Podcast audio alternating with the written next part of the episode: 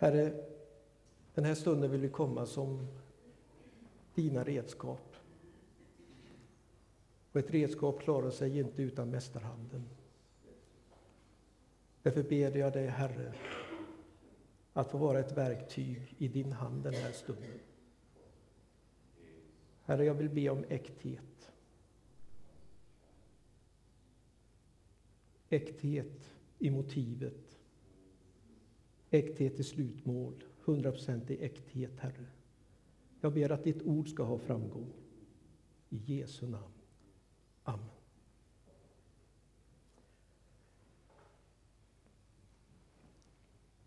Uppenbarelseboken, det sjunde kapitlet, så vill jag läsa om den store vide flock, eller den övervinnande skaran.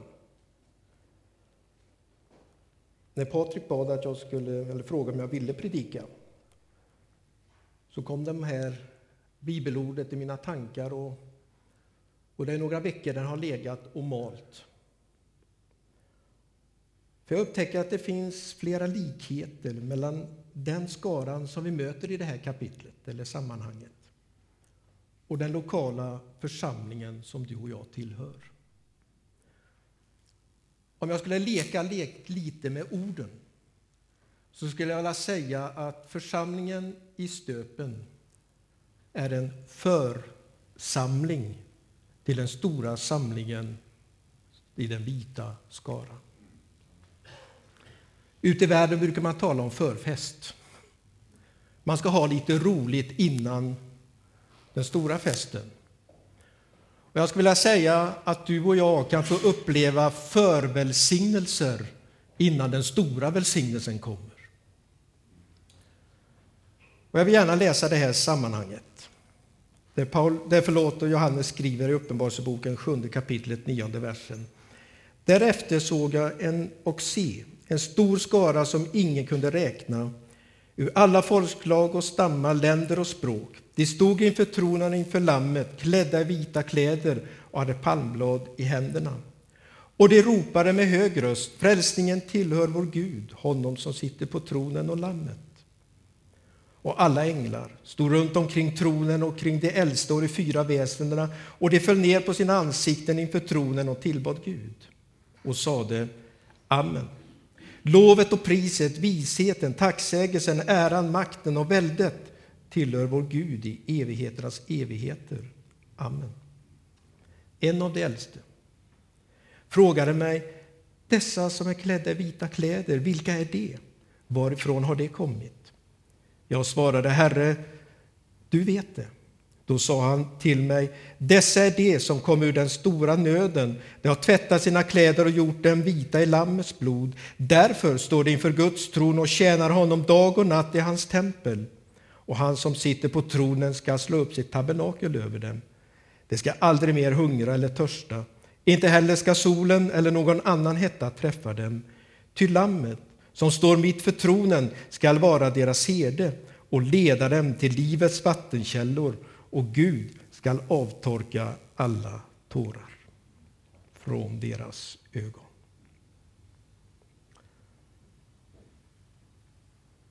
Om du vill följa med så ska jag redan nu ge dig punkterna.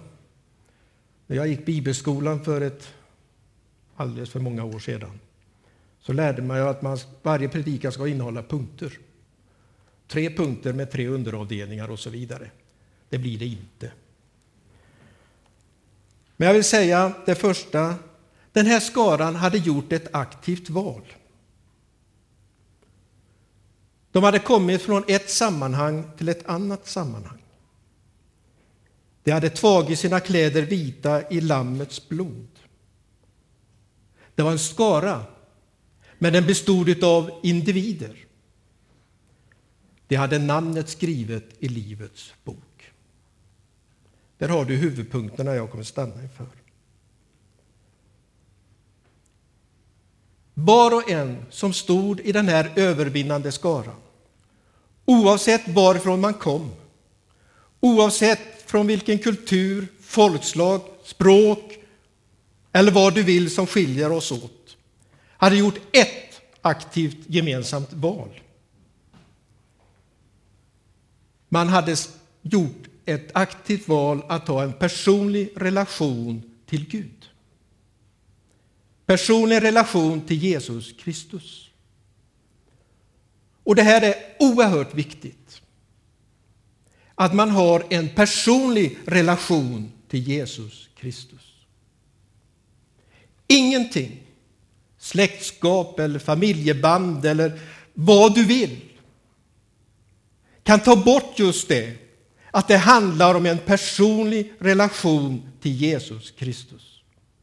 När Jesus talar om det i Markus evangeliet, det 16 kapitlet och 16 versen, så säger han att den som tror och blivit döpt ska vara frälst. Den som tror. Jag kan aldrig leva på andras välsignelser. Jag kan aldrig leva på andras relation med Gud. Jag kan bli välsignad av att andra blir välsignad. Men jag kan inte leva på det. Lika lite som jag kan tillgodogöra mig maten genom att någon annan äter upp den. Och så här var den god. Ja, fantastiskt, ja, vad roligt.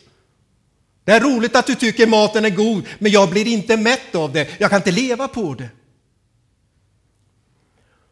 Och jag tror att det här är väldigt viktigt, att vi talar om frälsningen som en personlig relation. Tron är personlig. Och lärdomen är att platsen i den övervinnande skaran vilar på att jag har Jesus Kristus som frälsare. Det finns inget annat namn, säger Paulus, än Jesu namnet som kan frälsa.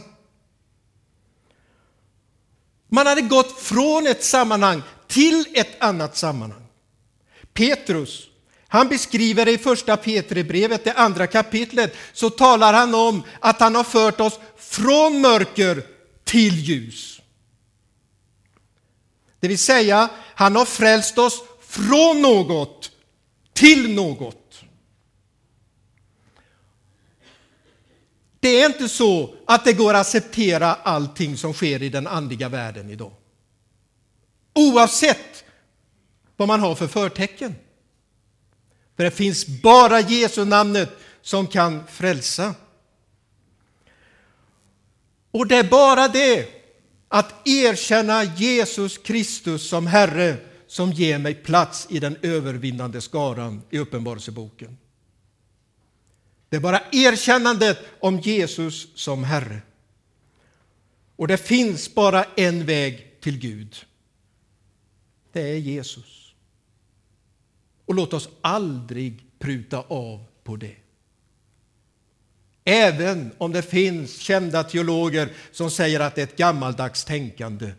Ja, jag ska säga att det är ett evighetstänkande. Den sanningen håller i evigheternas evigheter. Jesus är den enda vägen till Gud. Och en del tycker att man är lite hård när man säger det. Jag tycker det skulle vara mer hårt att visa en annan väg som inte leder rätt. Lite sån där solskenshistoria när vi var lite yngre än vad vi är nu så var jag och brorsan i Jönköping, lillebror. Och så stannade en bil, det här hände på 60-talet. Så stannade en bil och så frågade han om vägen till Göteborg. Och brorsan Kati visade vägen och så här och jag stod jämte och funderade, vad säger han? Och han beskrev hur han skulle köra och så här och Sen åkte han och så sa hur sa du att han skulle åka? Ja, så så. Amen. så då kommer han till Helsingborg, men han skulle till Göteborg. Ja, sa brorsan, Borg som Borg. Sa. Förstår du bilden? Vi kan inte lura världen med ett flummigt evangelium. Jag vill inte vara med och lura någon bara för att det ska vara så inne att tala om att alla vägar bär till himlen. Jag tror inte på den predikanten som stod och sa i ett sammanhang, man slinker alltid med till himmelen, för Gud är så kärleksfull. Nej, min vän, jag tror inte att man slinker in i himmelen. Jag tror man går triumferande in i himmelen med Jesus som Herre och herde i sitt liv. Det är det enda jag tror, för det är det som är evangelium. Det finns bara en väg, det är evangelium, det är det glada budskapet. Vi behöver inte leta efter frälsningens väg, den är redan utstakad. Eller som någon sa vid ett sammanhang, vad ska jag göra för att bli frälst? Det är för sent, sa pastorn. Vad säger du, är det för sent? Kan jag ingenting göra för att bli frälst? Nej, sa han, det är för sent. Det är redan gjort. Vad du behöver göra det är att ta emot Jesus Kristus som är frälsaren, så är du frälst. Och jag har tänkt på Paulus. Han är ganska hård, för att inte säga väldigt hård mot dem som förkunnar ett annat evangelium. I Galaterbrevet, det sjätte, förlåt, första kapitlet, så talar han om att de är förbannade, de som kommer med ett annat evangelium. Om det är vi själva eller änglar eller vad man har för kommer ifrån. Men predikar man ett annat evangelium så är man förkastad ifrån Guds ansikte. Och jag vill inte bli förkastad därför att jag söker en rättare väg för att säga till människor tron på Jesus Kristus är enda vägen till en frälsning. Skaran hade gjort ett aktivt val. De hade tagit sina kläder vita i Lammets blod. Det var en skara som bestod av individer. Var kom man ifrån? Jo, vi läste att man kom från alla folk, stammar och länder och språk. I den där skaran, om vi hade studerat dem närmare, så skulle vi hitta olika kulturer, tänkande, värderingar, tillvägagångssätt och så vidare och så vidare.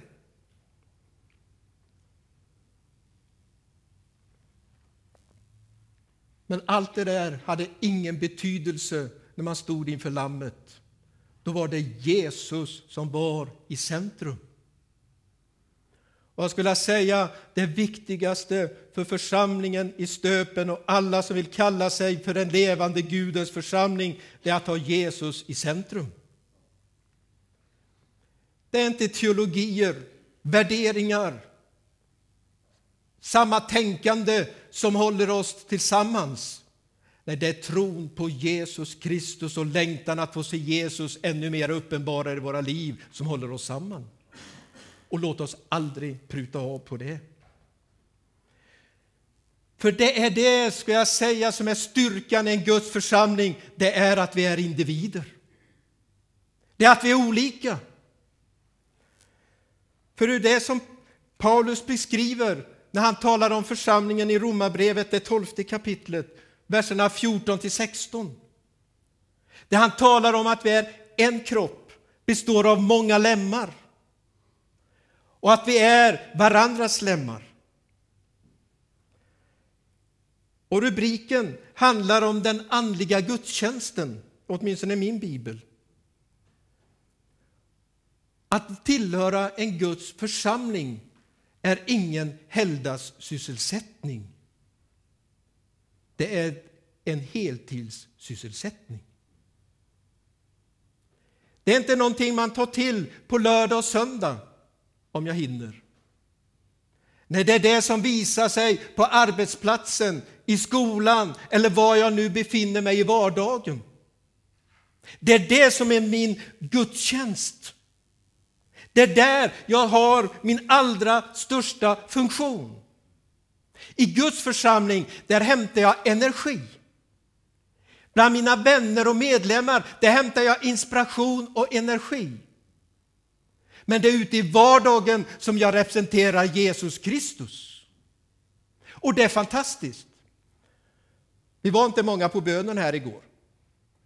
Men vi var fyra stycken. Så vi var tillräckligt många för att Jesus skulle vara där.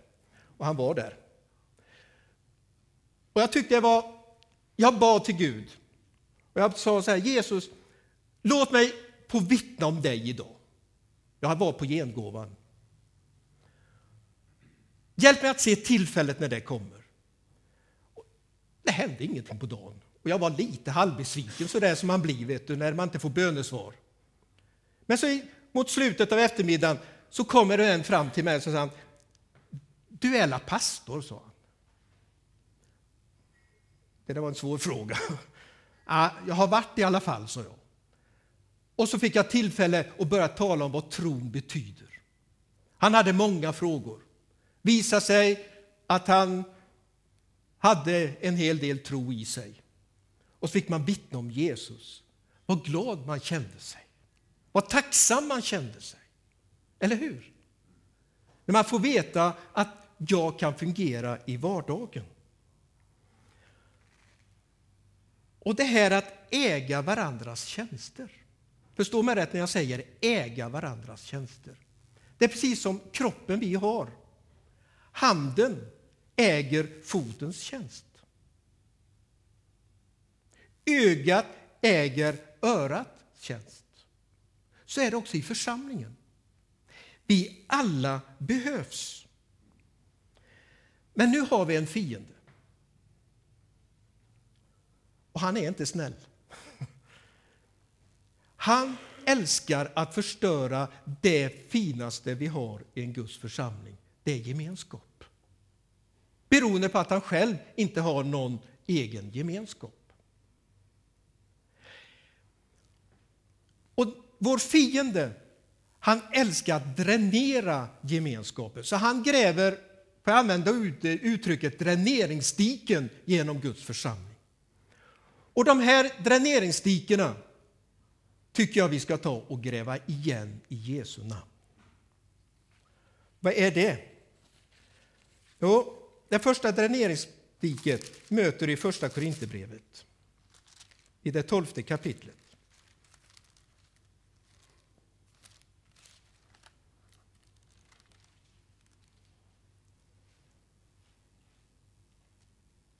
I femtonde versen.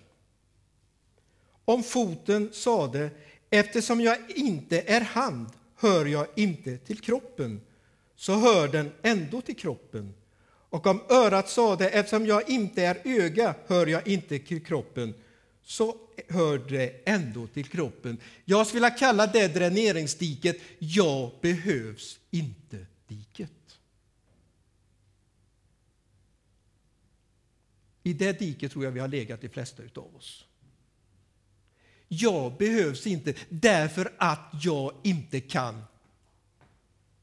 Ja, vad nu inte kan. Han älskar vår fiende att låta oss uppta sig från sinnesvärld med det vi inte kan. Det vi inte har. För det vi har vill han inte godkänna som en gåva från Gud. Det du har och kan är en gåva från Gud. Men du vet att det man kan inbillar man sig att det är så enkelt så det kan alla. Jag brukar skämtsamt säga jag har aldrig hört en husmor som har bakat en sockerkaka när man slänger ihop en sockerkaka. Ska jag baka en sockerkaka, då blir det recept. Om jag nu det undret skulle ske. Man får ju i slutändan tro på under. Men... Förstår ni vad jag vill ha sagt? Menar, det jag kan ser jag inte som en Guds gåva, utan jag ser det som någonting naturligt alla kan. Medan min granne kan avundsjukt titta på det där och säga tänk om jag kunde göra det. Min käre vän, höj lovsång över de gåvor Gud har gett dig. Det är Guds nådegåva till dig. Lägg dig inte i dräneringsdiket och gräv dig djupare och säg jag duger inte därför att jag inte har utan säga tack gode Gud, jag är jag och jag duger. med de gåvorna Gud har gett mig. Det är Guds gåva.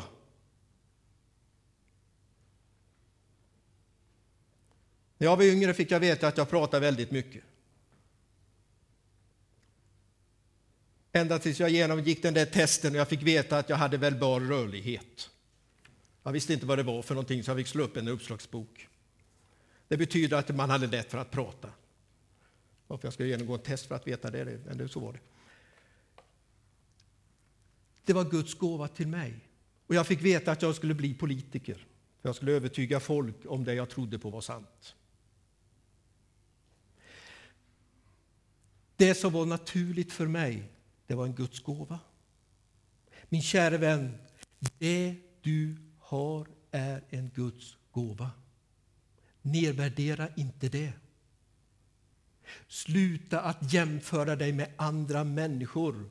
Tacka Gud för att du kompletterar och kompletteras av andra människor. För du vet att faran med att nedvärdera sig själv och säga att det jag har inte är viktigt är att någon annan inte kommer i funktion. Jag kommer ihåg när jag var på mitt första evangelist nere i Karlshamn. Så träffade jag en man som satt i rullstol. Och vi satt där och pratade, han och jag. Och så rätt som det är så säger han, nu ska du, ska du få en lärdom, sa han. Vet du att jag har inget fel på mina fötter, så, eller mina ben? Och jag måste väl ha sett konstig ut, för jag tyckte, varför sitter du i rullstol då? Nej, sa han, jag har en sjukdom som innebär att det är fel på signalerna mellan hjärnan och mina ben och mina fötter. Så signalen som säger att jag ska gå går inte fram till mina ben. Och det gör att jag inte kan gå.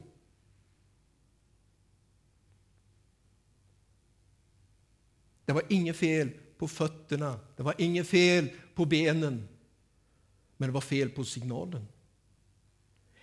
En osynlig grej som ingen tänker på när det fungerar var ur funktion som gjorde att hela kroppen hamnade i rullstol. Förstår du vikten av att hela församlingen fungerar, både synliga och osynliga lemmar och funktioner? Och jag tror och jag upplever på något sätt i min ande att vad vi behöver idag, det är att vi muntrar upp varandra och säger du duger med de gåvorna du har.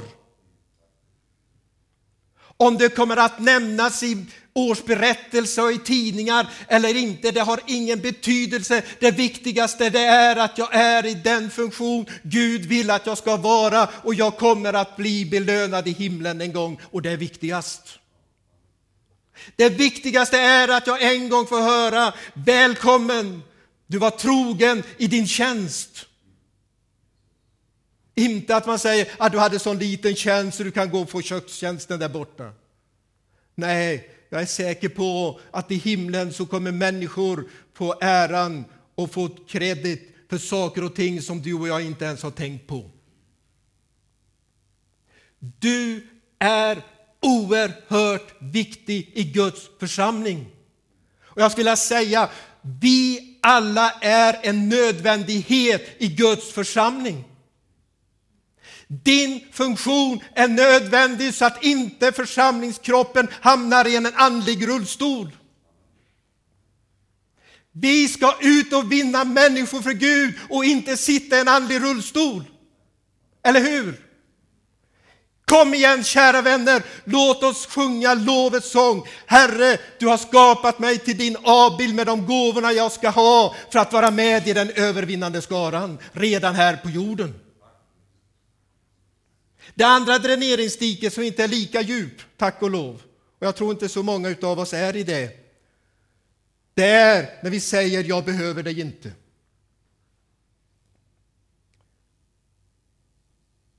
Ögat kan inte säga till handen, jag behöver dig inte. Det där diket som säger att det är tur att Guds församling har mig, annars vore det inte mycket med den här församlingen. Högmod.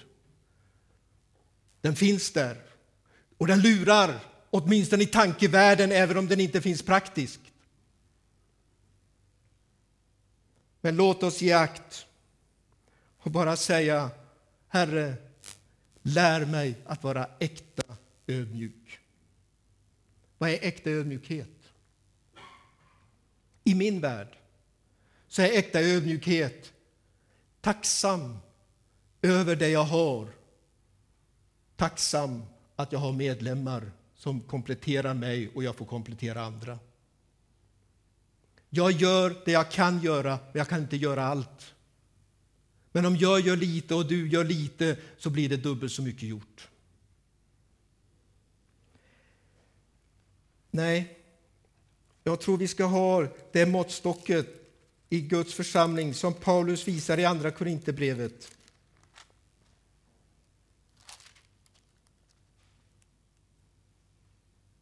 Mm. Nionde kapitlet.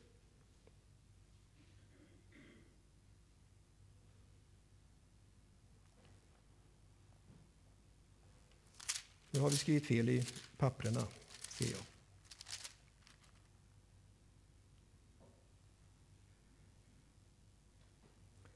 Ja, jag har skrivit fel i papperna.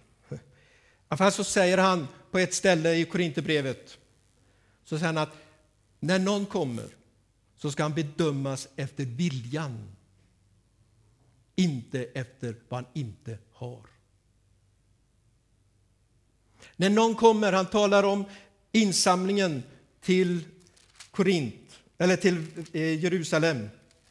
Och så talar han där, i det sammanhanget, så säger han att vi ska ha, bedömas efter vad vi har och inte har. Men har vi den goda viljan så är man välkommen att vara med i Guds församling och i verksamheten. Det är det vi behöver idag. Och kom ihåg, Gud använder det du har, inte det du önskar att du hade eller det du tycker att du saknar. Det vore frestande att gå in bara på ett bibelstudium om det, men låt mig få nämna Mose. Vad var det Gud använde hos Mose? Har ni tänkt på det? Stav. Herdestaven. Vad är det Gud säger till honom när han står där inför brinnande busken? Vad har du i din hand? En stav. var ingen som höjde på ögonbrynen när Mose som herde kom med en stav. Det var ingen som sa titta han har en stav. Men det var det Gud använde. Läs i Moseböckerna och Israels vandring om, om staven. När Mose talar om staven så säger han jag ska ta Guds stav. När Gud säger till Mose säger han ta din stav. När man står vid Röda havet så säger Gud till Mose räck ut din stav. När det är dags för striden mot amalekiterna så säger Mose, jag ska ta Guds stav och ställa mig uppe på berget. Vad det handlar om, handlar om ett gudomligt samarbete mellan de gåvorna Gud har gett mig och hans förmåga att använda de gåvorna. Det är det det handlar om. Vad har du i huset? Det var det som profeten ställde till änkan när hon skulle baka den sista kakan. Vad har du i huset? Ja, jag har lite olja. Jag har lite mjöl. Använd det. Och så vet du hur det blev välsignat. Det räckte hela hungersnödstiden. När man skulle bevisa 5 000 män förutom kvinnor och barn, vad säger Andreas, aposteln? Han säger, vi har inte mer än fem bröd och två fiskar. Vi har inte mer än. Hur många gånger har vi stått och sagt det? Men min kära vän, låt oss ta det. Vi har inte mer än att lägga det i Jesu händer och det räcker till 5000 män förutom kvinnor och barn och det blir över till oss var och en i välsignelse. Våga lägga det du har i Guds händer, i Jesu händer. Och han kommer att välsigna det. Och jag har skrivit på min lapp Låt oss i Jesu namn gräva igen alla dräneringsdiken och börja bygga energikällor. Tiden går fort. Låt mig ta punkt tre.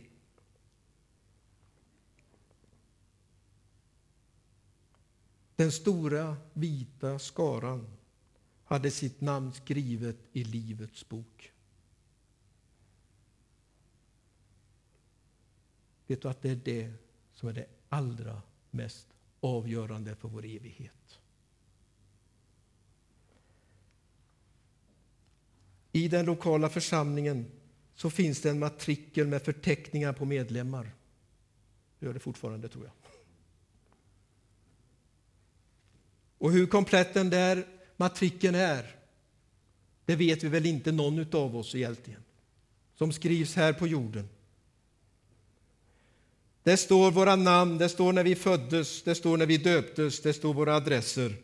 Och så kanske någon kommentar om vilken tjänst i församlingen vi har. Jag vet inte, så var det på min tid, jag vet inte om det är så längre. Men det finns en matrikel som är viktigare än den lokala församlingens matrikel. Det är den matrikel som skrivs i himmelen. För Uppenbarelseboken talar om att det uppläts böcker. Och fanns inte namnet skrivet i Livets bok. Uppenbarelseboken 20. Och I vers 12 där i slutet står det och de döda blir dömda efter sina gärningar efter vad som skrivet i böckerna. Och var inte namnet skrivet där så kastas man ut. Vet du, det viktigaste det är ändå den relation jag har till Jesus Kristus och att mitt namn är skrivet i Livets bok.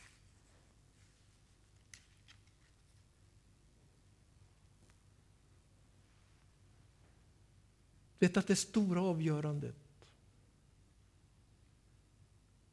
för evigheten är inte hur mycket eller hur lite jag har gjort för Jesus. Det mest totalt avgörande är, är mitt namn skrivet i Livets bok. Och jag har berättat många gånger när min far låg på dödsbädden och min bror var och hälsade på honom, så säger han rätt som det är. När man ligger så här och ska avsluta sitt liv så har jag bara en fråga. Hur mycket har jag gjort för Jesus därför att jag älskade honom? Och hur mycket har jag gjort för egen vinning? Och min bror han sa, men pappa, du har ju byggt upp en missionsstation, du har bildat församlingar och han börjar räkna upp, du har startat bibelskolor och byggt sjukhus och allt. Han räknar upp så mycket han bara kunde komma på. Och då lyfter pappa upp handen och säger han, det spelar ingen roll Kent. Det viktigaste är, varför gjorde jag det?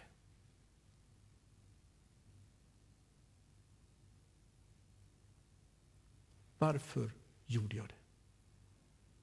Gjorde jag det för att jag älskade Jesus? Eller gjorde jag det för att få ett namn?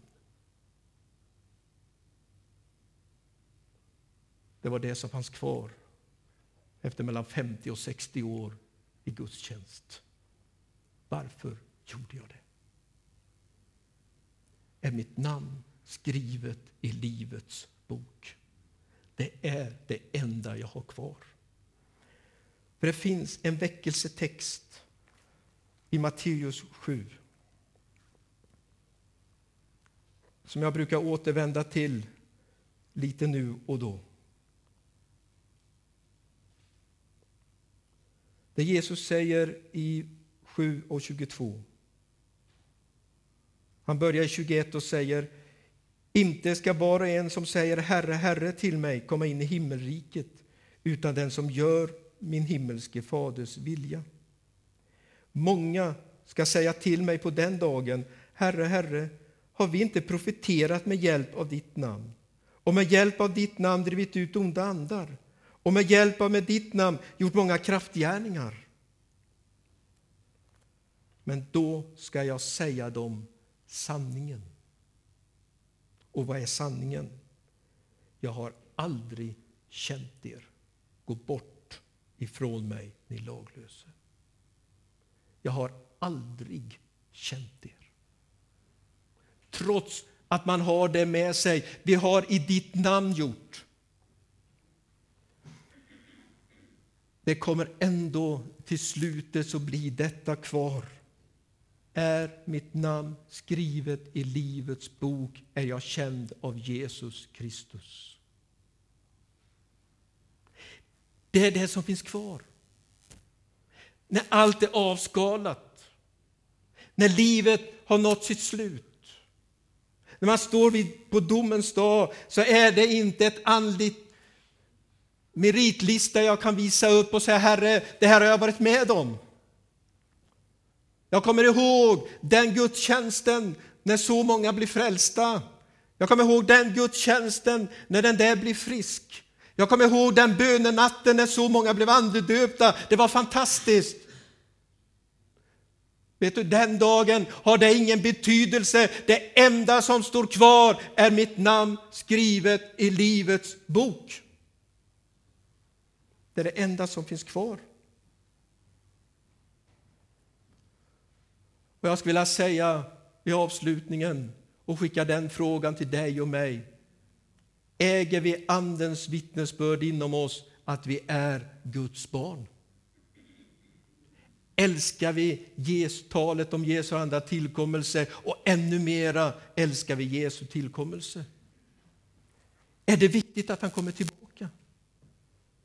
Är det viktigt att vi under tiden vi väntar på honom försöker att fungera i den uppgift Gud har ställt oss för att få tillhöra den övervinnande skaran? Låter vi lammet som står mitt för tronen redan här vara vår herde? Praktiskt. Eller räcker det med att vi kan citera psalm 23 och tycka att det är fint? Eller har det praktiska konsekvenser i vårt vardagliga liv? Det är ju där vi hamnar till slut. Låt oss i Jesu namn hålla frälsningens fana högt. Och låt oss aldrig lura våra medmänniskor med ett falskt evangelium. Vi behöver be Gud mer och mer i den tid vi lever. Herre, lär oss och hjälp oss att vara äkta rakt igenom. Att vi inte har en högre bekännelse än vad som finns i vardagslivet. Att vi inte pratar så mycket utan har mera verkstad. Säga Herre, här är jag. Och du ska veta, och nu kanske lite av min erfarenhet säger, talar, när Gud vill göra någonting i en församling så ska du veta att fienden anstränger sig på det yttersta för att förstöra församlingsgemenskapen. Glöm aldrig det. Glöm aldrig det. När Gud börjar arbeta på sitt sätt så börjar djävulen arbeta på sitt sätt.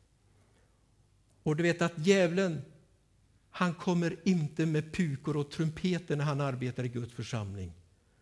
Nej, då använder han höga visan. Han släpper in smårävarna. Och det är därför det är så viktigt med uppmaningen fånga smårävarna. För vad gjorde smårävarna? Jo, det var de som grävde sig under staketet in i vingården.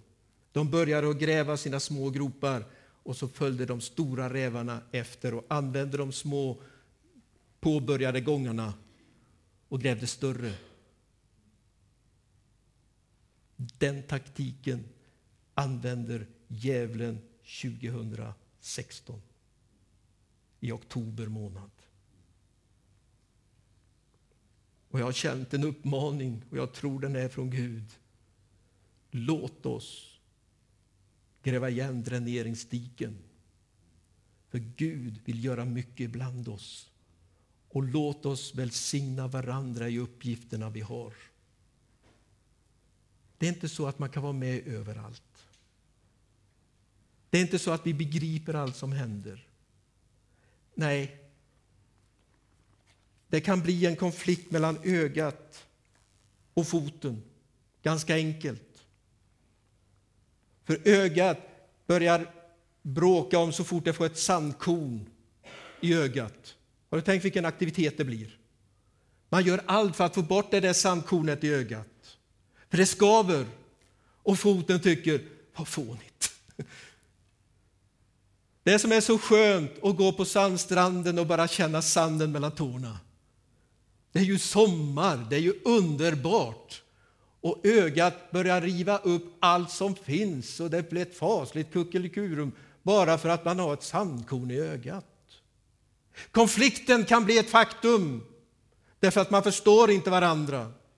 Det handlar inte om att förstå varandra, det handlar om att välsigna varandra. Det handlar inte om att tänka likadant, men det handlar om att välsigna varandras tänkande och komma ett i anden. Det handlar om att inte låta sig fyllas med någonting annat än den helige Ande. Då börjar vi ännu mer att tacka Gud för varandra, även det vi inte begriper. För det handlar inte om att begripa allt, det handlar om att vara i andlig funktion. Jag vill tillhöra den övervinnande skaran. Jag vill ha mitt namn skrivet i Livets bok, men under tiden så vill jag vara upptagen med att tjäna Gud med de gåvorna Gud har gett mig på den plats han har gett mig. Och just nu är det Pingstkyrkan i Stöpen. Amen. Herre, nu ber jag dig att du ska tala på ditt sätt. Bränn bort det som inte går att använda, men etsa in det som går att använda. I Jesu namn.